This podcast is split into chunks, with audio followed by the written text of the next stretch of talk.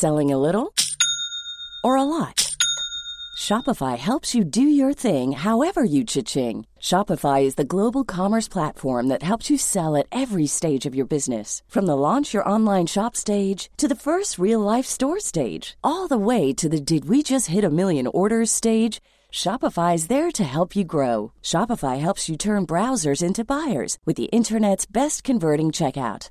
36% better on average compared to other leading commerce platforms because businesses that grow grow with Shopify. Get a $1 per month trial period at shopify.com/work. shopify.com/work. Hiring for your small business? If you're not looking for professionals on LinkedIn, you're looking in the wrong place. That's like looking for your car keys in a fish tank. LinkedIn helps you hire professionals you can't find anywhere else, even those who aren't actively searching for a new job but might be open to the perfect role. In a given month, over 70% of LinkedIn users don't even visit other leading job sites. So start looking in the right place. With LinkedIn, you can hire professionals like a professional. Post your free job on linkedin.com slash people today. Even when we're on a budget, we still deserve nice things. Quince is a place to scoop up stunning high-end goods for 50 to 80% less than similar brands. They have buttery soft cashmere sweaters starting at $50, luxurious Italian leather bags, and so much more. Plus, Quince only works with factories that use safe, ethical, and responsible manufacturing. Get the high-end goods you'll love without the high price tag with Quince. Go to quince.com/style for free shipping and 365-day returns. Dyra bolån, svårförhandlad ränta, en tråkig hyra. Men också din alldeles egen domän. Ja, idag pratar vi bostad. Välkommen till Smarta Cash, podden som peppar till en bättre ekonomi och en rikare framtid med mig Isabella Amadi.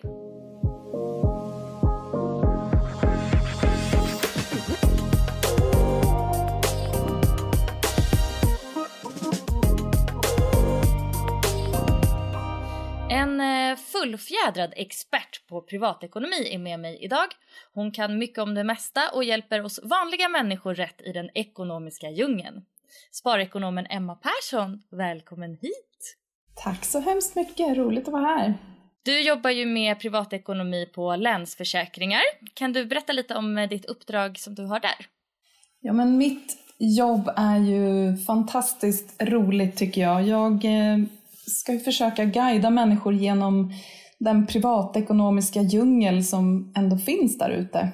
Och försöka komma med lite information, råd och tips på hur man kan tänka kring eh, mindre och större ekonomiska beslut i vår vardag. Så det här gör jag i en rad olika kanaler och som till exempel att prata med dig nu. Så kul att ha dig här och att eh, man får ta del av dina kunskaper här. Och vi ska ju prata om eh, bostad idag. Eh, alltså hur ser eh, eh, bostadsmarknaden i Sverige ut just nu? Ja, men tvärt vad ganska många trodde i början av den här pandemin så fick vi ingen påverkan på bostadspriserna neråt. Tvärtom så var ju bostadsåret eh, 2020 mycket starkt och även om priserna stod lite stilla här i december så steg villapriserna om man ser på året med 13 procent och eh, bostadsrättspriserna med 7 procent. Och även fritidshusen har gått riktigt bra så att det verkar helt enkelt som att vi har eh, prioriterat vårt boende i de här hemmajobbartiderna och att många har velat eh, passa på att göra en bostadsaffär och kanske till en bostad som är lite mer anpassad till hemarbete. Är det större som många eftersöker då? Ja, men det tror jag är en faktor, men också att det kanske finns en liten vrå där man kan ställa ett, eh, ett litet skrivbord eller något så att man har möjlighet att jobba hemma. Mm. Ja, och det är ju bostadsrätt eller hyresrätt som gäller generellt. Då. Vad finns det för för och nackdelar med respektive boendeform? Men jag tycker att det är bra att det finns olika boendeformer, boendeformer på bostadsmarknaden. För i vissa skeden av livet så kanske man är osäker på var man vill slå sig ner eller så har man fått ett jobb tillfälligt på en annan ort till exempel. Och då är ju hyresrätten en, en bra och enkel boendeform. Men om man tittar på hur människor helst vill bo på längre sikt, då är det äganderätten som dominerar. Så jag tror att det har med den här känslan av att ha något eget och kunna påverka sitt boende. Men också att eh, boendekostnaden på, på sikt är lägre i äganderätt. Så att många ser det förhoppningsvis som en, en bra investering på sikt. Just det, men alltså, vad tjänar man egentligen mest på? Om man då tänker att det är väldigt dyrt att köpa eh, en bostadsrätt, du behöver en kontantinsats och så kanske du troligtvis tar ett bolån versus att betala en hyra och eh, investera sina sparpengar på börsen. Alltså vad, vad tjänar man mest på i längden? Ja, jag önskar att jag hade den typen av kristallkula så att man verkligen kunde veta hela tiden vad som är den bästa investeringen för framtiden. Men jag gjorde faktiskt en liten beräkning av det här för ett tag sedan när jag försökte argumentera för att inte bara amortera som sparandeform. Och då tittade jag på att om man hade köpt en villa 1997 för medelpriset då ungefär 1,2 miljoner Eh, och, eller investerat det på börsen. Vad hade man tjänat på mest fram tills ja, förra året tror jag att det var. Och då visade det sig att börsen hade varit bättre. Alltså man hade fått ut mer pengar av den investeringen. Men här finns det ju en rad risker involverat och en bostad är ju förhoppningsvis mer än bara en investering. Det är ju en plats där man ska trivas och verkligen vilja bo. Så att jag tycker att man ska göra både och. Eh, försöka äga sitt boende på sikt men också spara i mer lättillgängliga sparformer. Mm. Alltså jag har också sett en del så kallade ägarlägenheter börjat ploppa upp här och där. Vad innebär den boendeformen och är det så att den börjar bli lite vanligare? Ja, men äganderätten har, eh, eller ägarlägenheten har haft svårt att slå igenom på bred front i Sverige. Det är ju ett vanligare fenomen i en rad andra länder i Europa till exempel. Ehm, jag tror att vi i Sverige gillar våra bostadsrättsföreningar för där är ju med och delar på ansvaret. I äganderätt, en ägarlägenhet så kan man säga att det är som ett, eh, ett småhus. Där har man precis samma skyldigheter och ansvar som om man eh, äger ett hus.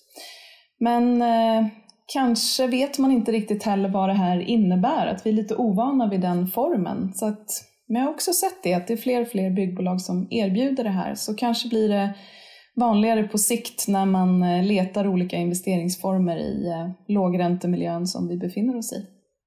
Okej, men ska vi prata lite om att köpa bostad då helt enkelt? Ja. Det är kul. Eh, och det är många som bara använder typ Hemnet för att botanisera även om man inte ska köpa. Så alltså att ens bara tänka på bostad är ju skoj. Verkligen, så är det ju. Jag såg att Hemnet hade ju otroligt många besök förra året så det var nog det vi roade oss med mycket i, i pandemin. Mm, absolut. Men att ta ett eh, lån eh, för att köpa en bostad det kräver ju en eh, kontantinsats på 15 procent. Eh, alltså hur klarar folk det egentligen? Ja du, det frågar jag mig också ibland. Ehm, särskilt om man inte har haft föräldrar som har sparat åt en eller att man har kommit på det här i god tid. Ja, men då kan det bli tufft. Men jag ser ändå många som lyckas, alltså som verkligen bestämmer sig för att göra det här och så har man extremt höga sparkvoter under en tid, kanske jobbar extra och liksom verkligen lägger all tid och fokus på det här, då kan det gå. Men kanske att man måste offra en del på vägen dit. Och det bästa är ju förstås om man börjar i god tid. Men det är inte alltid man eh, kommer på det, utan det, kan, det intresset kan ju vakna senare i livet. Mm. Eh, det är ju en av de här reglerna, men vilka andra regler då finns eh, och som är viktiga att ha koll på? Ja, men en sak är ju den här kontantinsatsen, men sen när man går till banken då och vill låna resten av eh, köpeskillingen, ja men då ställs det ganska tuffa krav på dig som låntagare. Du ska ha vad som kallas en stadigvarande inkomst, du ska testas mot en högre ränta än den som gäller idag för att ha lite mån om någonting skulle hända.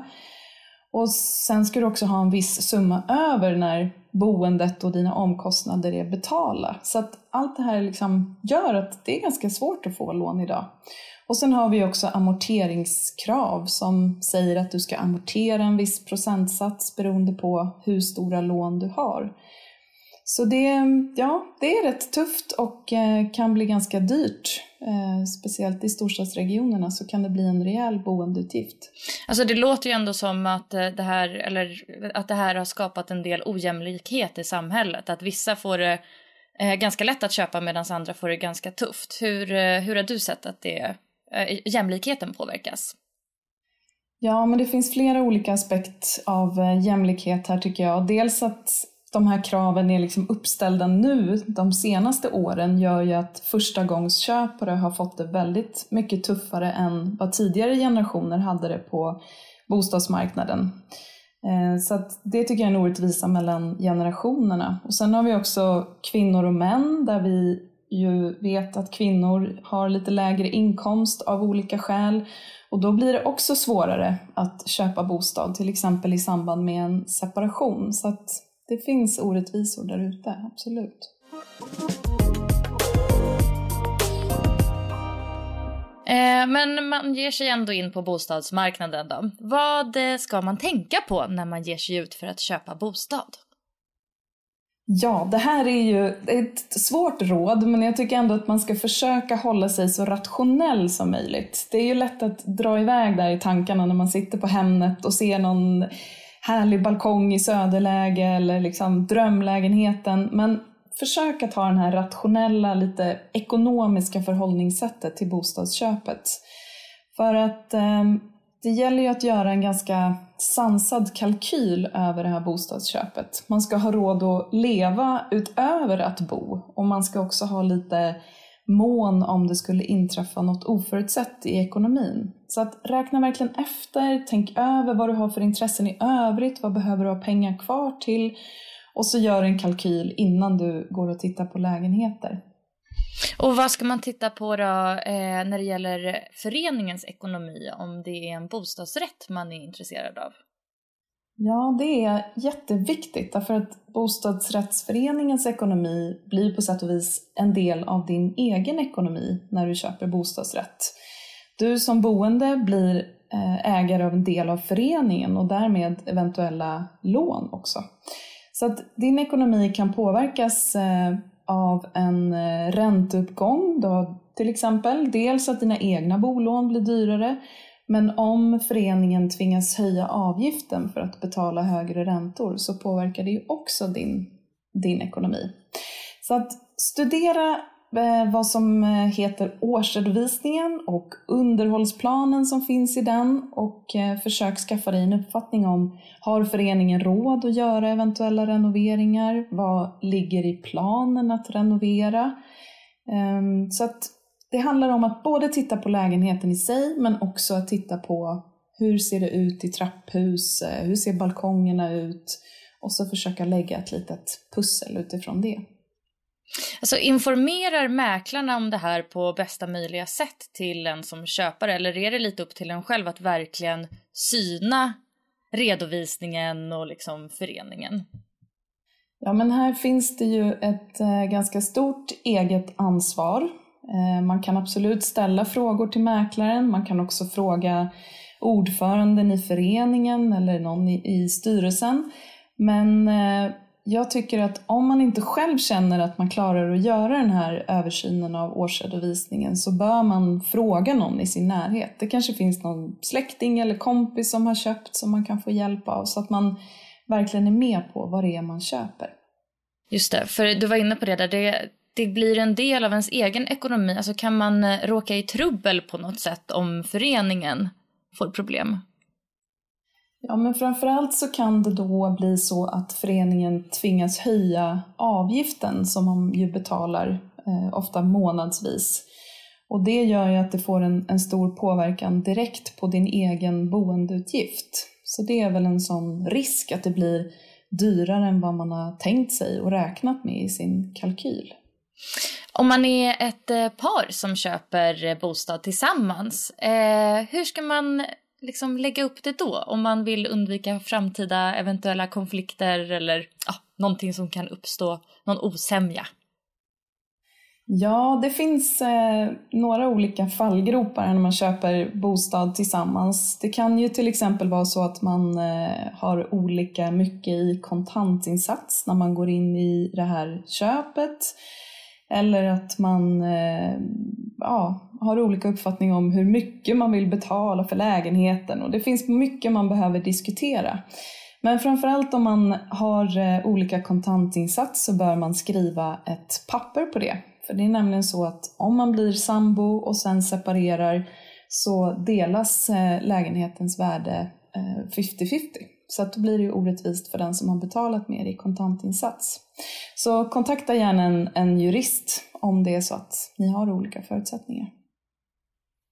Just det. Eh, och när man är ute och tittar på lägenheter, vissa är ju topprenoverade och svindyra medan andra kan komma till ett lite förmånligare pris vad man kan tycka men är också risigare. Alltså är det ekonomiskt att köpa renoveringsobjekt? Ja men återigen så önskar jag att jag hade den här kristallkulan liksom, så att man kunde veta för att det finns ju aldrig några garantier för någonting egentligen. Men om man är händig och kanske om man då kan bo i den medan man renoverar, ja men varför inte? Eh, dock tycker jag att man aldrig någonsin ska gå in i ett bostadsköp med antagandet om att man med säkerhet kommer att tjäna pengar på det. Utan ekonomin ska alltid liksom lämna utrymme för att man kan göra en, en förlust. Och samtidigt ska ekonomin kanske tåla att man ska kunna bo kvar under en period med sjunkande bostadspriser eller så. Så att, eh, ja, inga garantier men eh, som sagt, varför inte? Kanske något som är roligt att göra ihop och renovera. Mm. Men det där var intressant för känslan är ju ändå att alltså, en bostad är alltid en bra investering. Men man kan alltså inte riktigt räkna med att göra vinst på sikt, eller? Men jag tycker ibland att bostadsmarknaden är lite som Instagram. Man har liksom känslan av att så här, alla andra har så himla bra liv och ingen bråkar. Och att liksom, på samma sätt att ingen någonsin har gjort en förlust på bostadsmarknaden. För det hör man inte så ofta om. Men det är klart att det förekommer. Och därför så tycker jag att de här bostadsköpen ska man göra med tanken att bo där och trivas. Och sen är en eventuell vinst en bonus. Men ingenting som man kallt ska räkna med att göra bara för att alla andra har gjort det. Okej. Okay. Låt oss prata lite om bolån då. Eh, mm. Detta läskiga, stora sak. Ja, precis. alltså, hur, eh, hur kan man lägga upp ett bolån? Eller vad är ett bolån? Hur lägger man upp det? precis, många frågor. Detta är spännande Eh, nej men bolån är ju det som eh, många av oss behöver få hjälp med av banken för att kunna köpa en bostad. Och eh, ett bolån eh, blir då ofta 85% av eh, köpeskillingen. Och lite beroende på hur stort det här bolånet är så kan man dela upp det i olika delar. Eh, för det gör att du kan eh, binda räntan på olika bindningstider på olika delar av lånet. Men det här är någonting som man kan diskutera tillsammans med banken när man väl har gjort köpet. Så det är ingenting tycker jag, som man behöver sätta sig in i detalj. Men däremot att fundera redan innan vilken räntebindningstid man vill ha, det kan ju vara bra att göra. Vad finns det som talar för och emot eh, lång och kort bindningstid? Ja, men det här är ju en evig fråga som eh, den som har eller ska ta bolån ställer sig. Och jag brukar säga att jag tycker att man ska fundera på hur det känns i magen när man funderar på stigande räntor. Är det något som man känner liksom panik över eller som man tror att man inte har råd med? Ja, men då kanske det är skönt att veta att ja, men jag har, vet åtminstone vad jag ska betala i, i ränta under några år framöver. Men har man lite marginaler i sin ekonomi eller att man kanske vet att man inte ska bo så länge så att man inte vill eh, riskera att behöva betala en sån här ränteskillnadsersättning. Ja, men då kan det vara idé att ha rörligt och istället kanske spara till en buffert om räntan skulle stiga. Mm. Men är det inte så att det historiskt har visat sig vara mer lönsamt med rörligt? Precis, så är det ju. Och tyvärr så säger inte historien någonting om framtiden utan jag tycker att det här är till viss del ett personligt eh, beslut. Vilken inställning man har till eh, risk, eh, vilka marginaler man har i sin ekonomi för olika typer av oförutsedda händelser. Så att fundera lite över vilket beslut just du vill fatta, tycker jag. Mm. Alltså hur resonerar du kring ränteläget idag i relation till då, ja, bostadslån och ränta på det? Det finns ju inte så mycket i korten just nu som säger att eh, räntan ska stiga. Men det här är ju också någonting som man inte har eh, garantier för. Eh, oförutsedda saker kan hända och man bör känna sig trygg med att man kan bo kvar och ha råd med nästan oavsett vad som händer. Och det här är egentligen inte bara när det kommer till räntan utan att man kanske också, att det händer någonting med ens inkomst. Man kanske blir sjuk eller arbetslös. Och det är därför man behöver göra den här ganska noggranna kalkylen av olika scenarier. Och jag vet att det låter sjukt tråkigt att fundera på allt det här i något så roligt som ett bostadsköp, men eh, det är bra den dagen det händer något. Mm. Men om räntan höjs, det blir väl ingen chockhöjning då, eller? Nej, det är väl väldigt ovanligt att det blir så från den ena dagen till den andra. Ehm, men det här är ju också något som man då kan gardera sig lite mot genom att binda lånet på olika bindningstider. För då är det lite som att inte lägga alla ägg i samma korg och eh, andra klyschor inom eh, utan då har man liksom, då kanske räntan höjs på den del av lånet som är rörligt medan man också har en del som är bundet som då är lägre ränta. Så att det kan också vara ett sätt att sprida riskerna lite grann. Okej. Okay. Eh, hur förhandlar man om eh, räntan om man köper en ny bostad? Ja, det gör man genom att eh, vara lite jobbig och eh, vara beredd på att byta bank. För det är ju det jag tycker att man ska hota med om man inte får den ränta man har tänkt sig. För man skulle kunna göra så att man eh, tar reda på lite hur eh, snitträntorna ser ut eh, på olika bindningstider. Det kan man hitta på olika jämförelsesajter på nätet till exempel. Och sen så eh, kontaktar man en bank, får ett erbjudande, går till nästa bank och säger att det här har jag fått, vad kan ni göra? Och förhoppningsvis då så är banken mån om att behålla dig som kund så att de kan matcha det här erbjudandet. Och det är många som uppfattar det här som en liten jobbig situation att liksom pruta och ligga på men det är väl investerad tid om man kan få ner räntan som ju ofta är en ganska stor utgift för många av oss. Mm. Men rent praktiskt så är det en rundringning? Ja, rundringning. Eh, många banker har ju digitala formulär, eh, men det finns också eh, flera banker där man inte behöver pruta, som har en annan modell kring att man samlar sina affärer eller utifrån belåningsgrad. Så att kolla runt med flera stycken är väl ett eh, ganska bra råd här. Och att inte vara låst vid en bank bara för att man har sina vardagsaffärer där. Mm. Och alltså hur ska man säga, den som får så här tunghäftat när den ska prata med banken. Har du några exempel på liksom den här meningen använder du? eh, ja, ja, som sagt, man, man behöver egentligen inte säga så mycket. Eh, banker är vana att få den här frågan. Så att det värsta som kan hända är att du inte får ett erbjudande. Men säg bara Hej hej! Jag heter det här och här och jag har fått ett erbjudande av eh, Bank X på min eh, bolåneränta på den här procenten. Eh, vad kan ni göra? Mm. Och så är man bara tyst. så förhoppningsvis så kommer ett kanonerbjudande. Låter ju lätt som en plätt. ja, eller hur? Lätt att säga, svårt att göra kanske. Mm. Men om man redan har ett bolån då?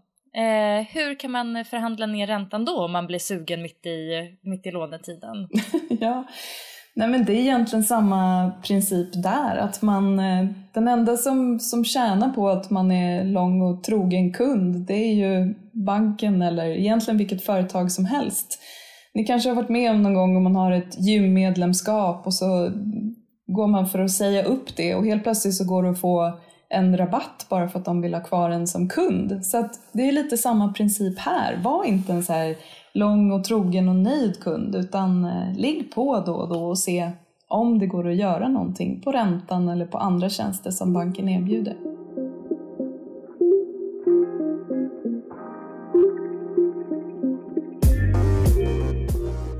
För att få koll på hur boräntorna ser ut hos bankerna finns olika tjänster.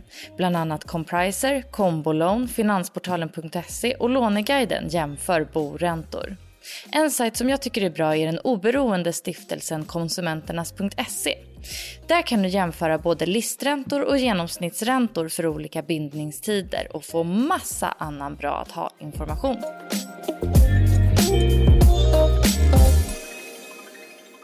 Eh, om man samtidigt också ska sälja sin bostad, eh, hur ska man tänka då? Är det det här, eh, vad gör man först? Då tycker jag att eh, det beror lite på om man då ska sälja för att köpa nytt. Det är ju ofta så det går till, att man kanske vill köpa en större bostad till exempel.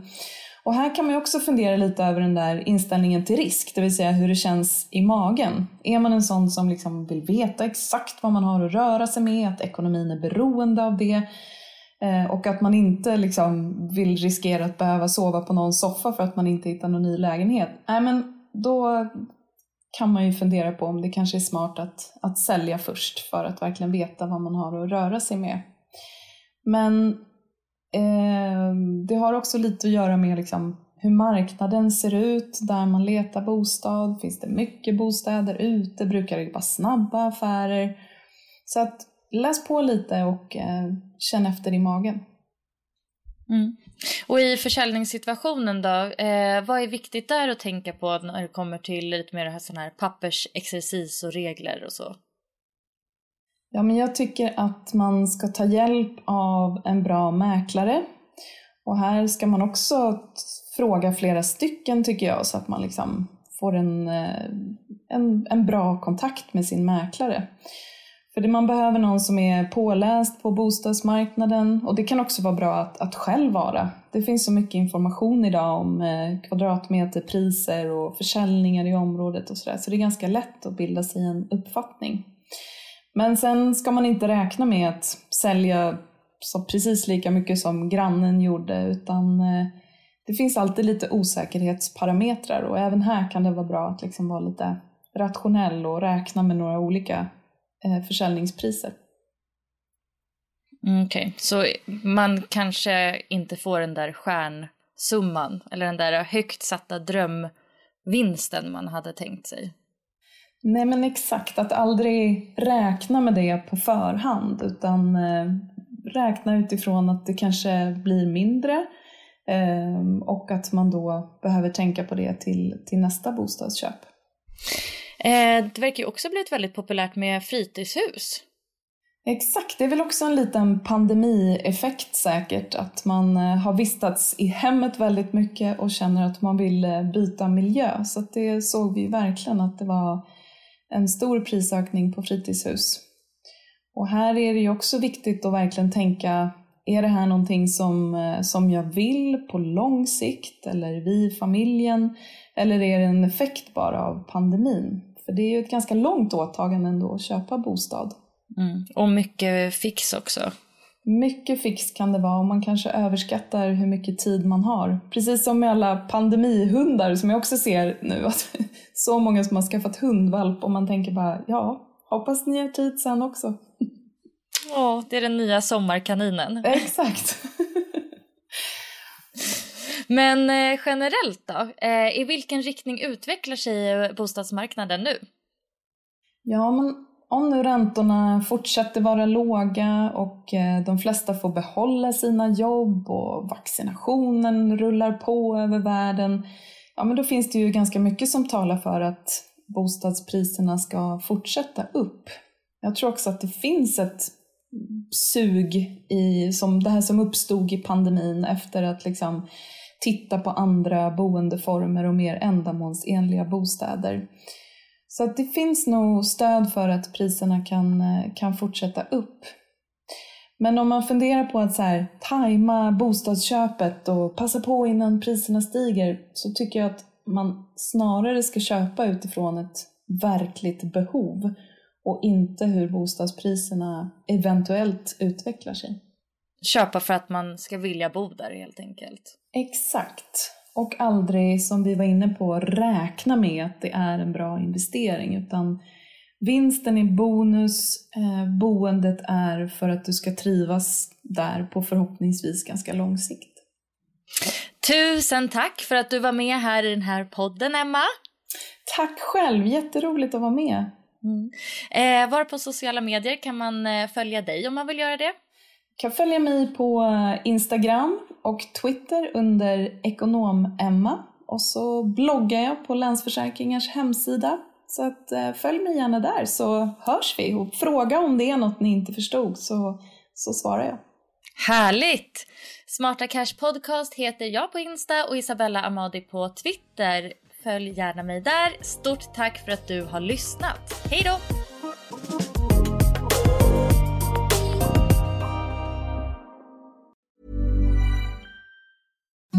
Imagine the softest sheets you've ever felt. Now imagine them getting even softer over time. That's what you'll feel with Bowl and Branch's organic cotton sheets. In a recent customer survey, 96% replied that Bowl and Branch sheets get softer with every wash. Start getting your best night's sleep in these sheets that get softer and softer for years to come. Try their sheets with a 30-night guarantee. Plus, get 15% off your first order at bowlandbranch.com. Code BUTTERY. Exclusions apply. See site for details. Planning for your next trip? Elevate your travel style with Quince. Quince has all the jet setting essentials you'll want for your next getaway, like European linen, premium luggage options, buttery soft Italian leather bags, and so much more. And is all priced at 50 to 80% less than similar brands.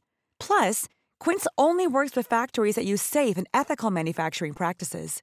Pack your bags with high-quality essentials you'll be wearing for vacations to come with Quince. Go to quince.com/pack for free shipping and 365-day returns.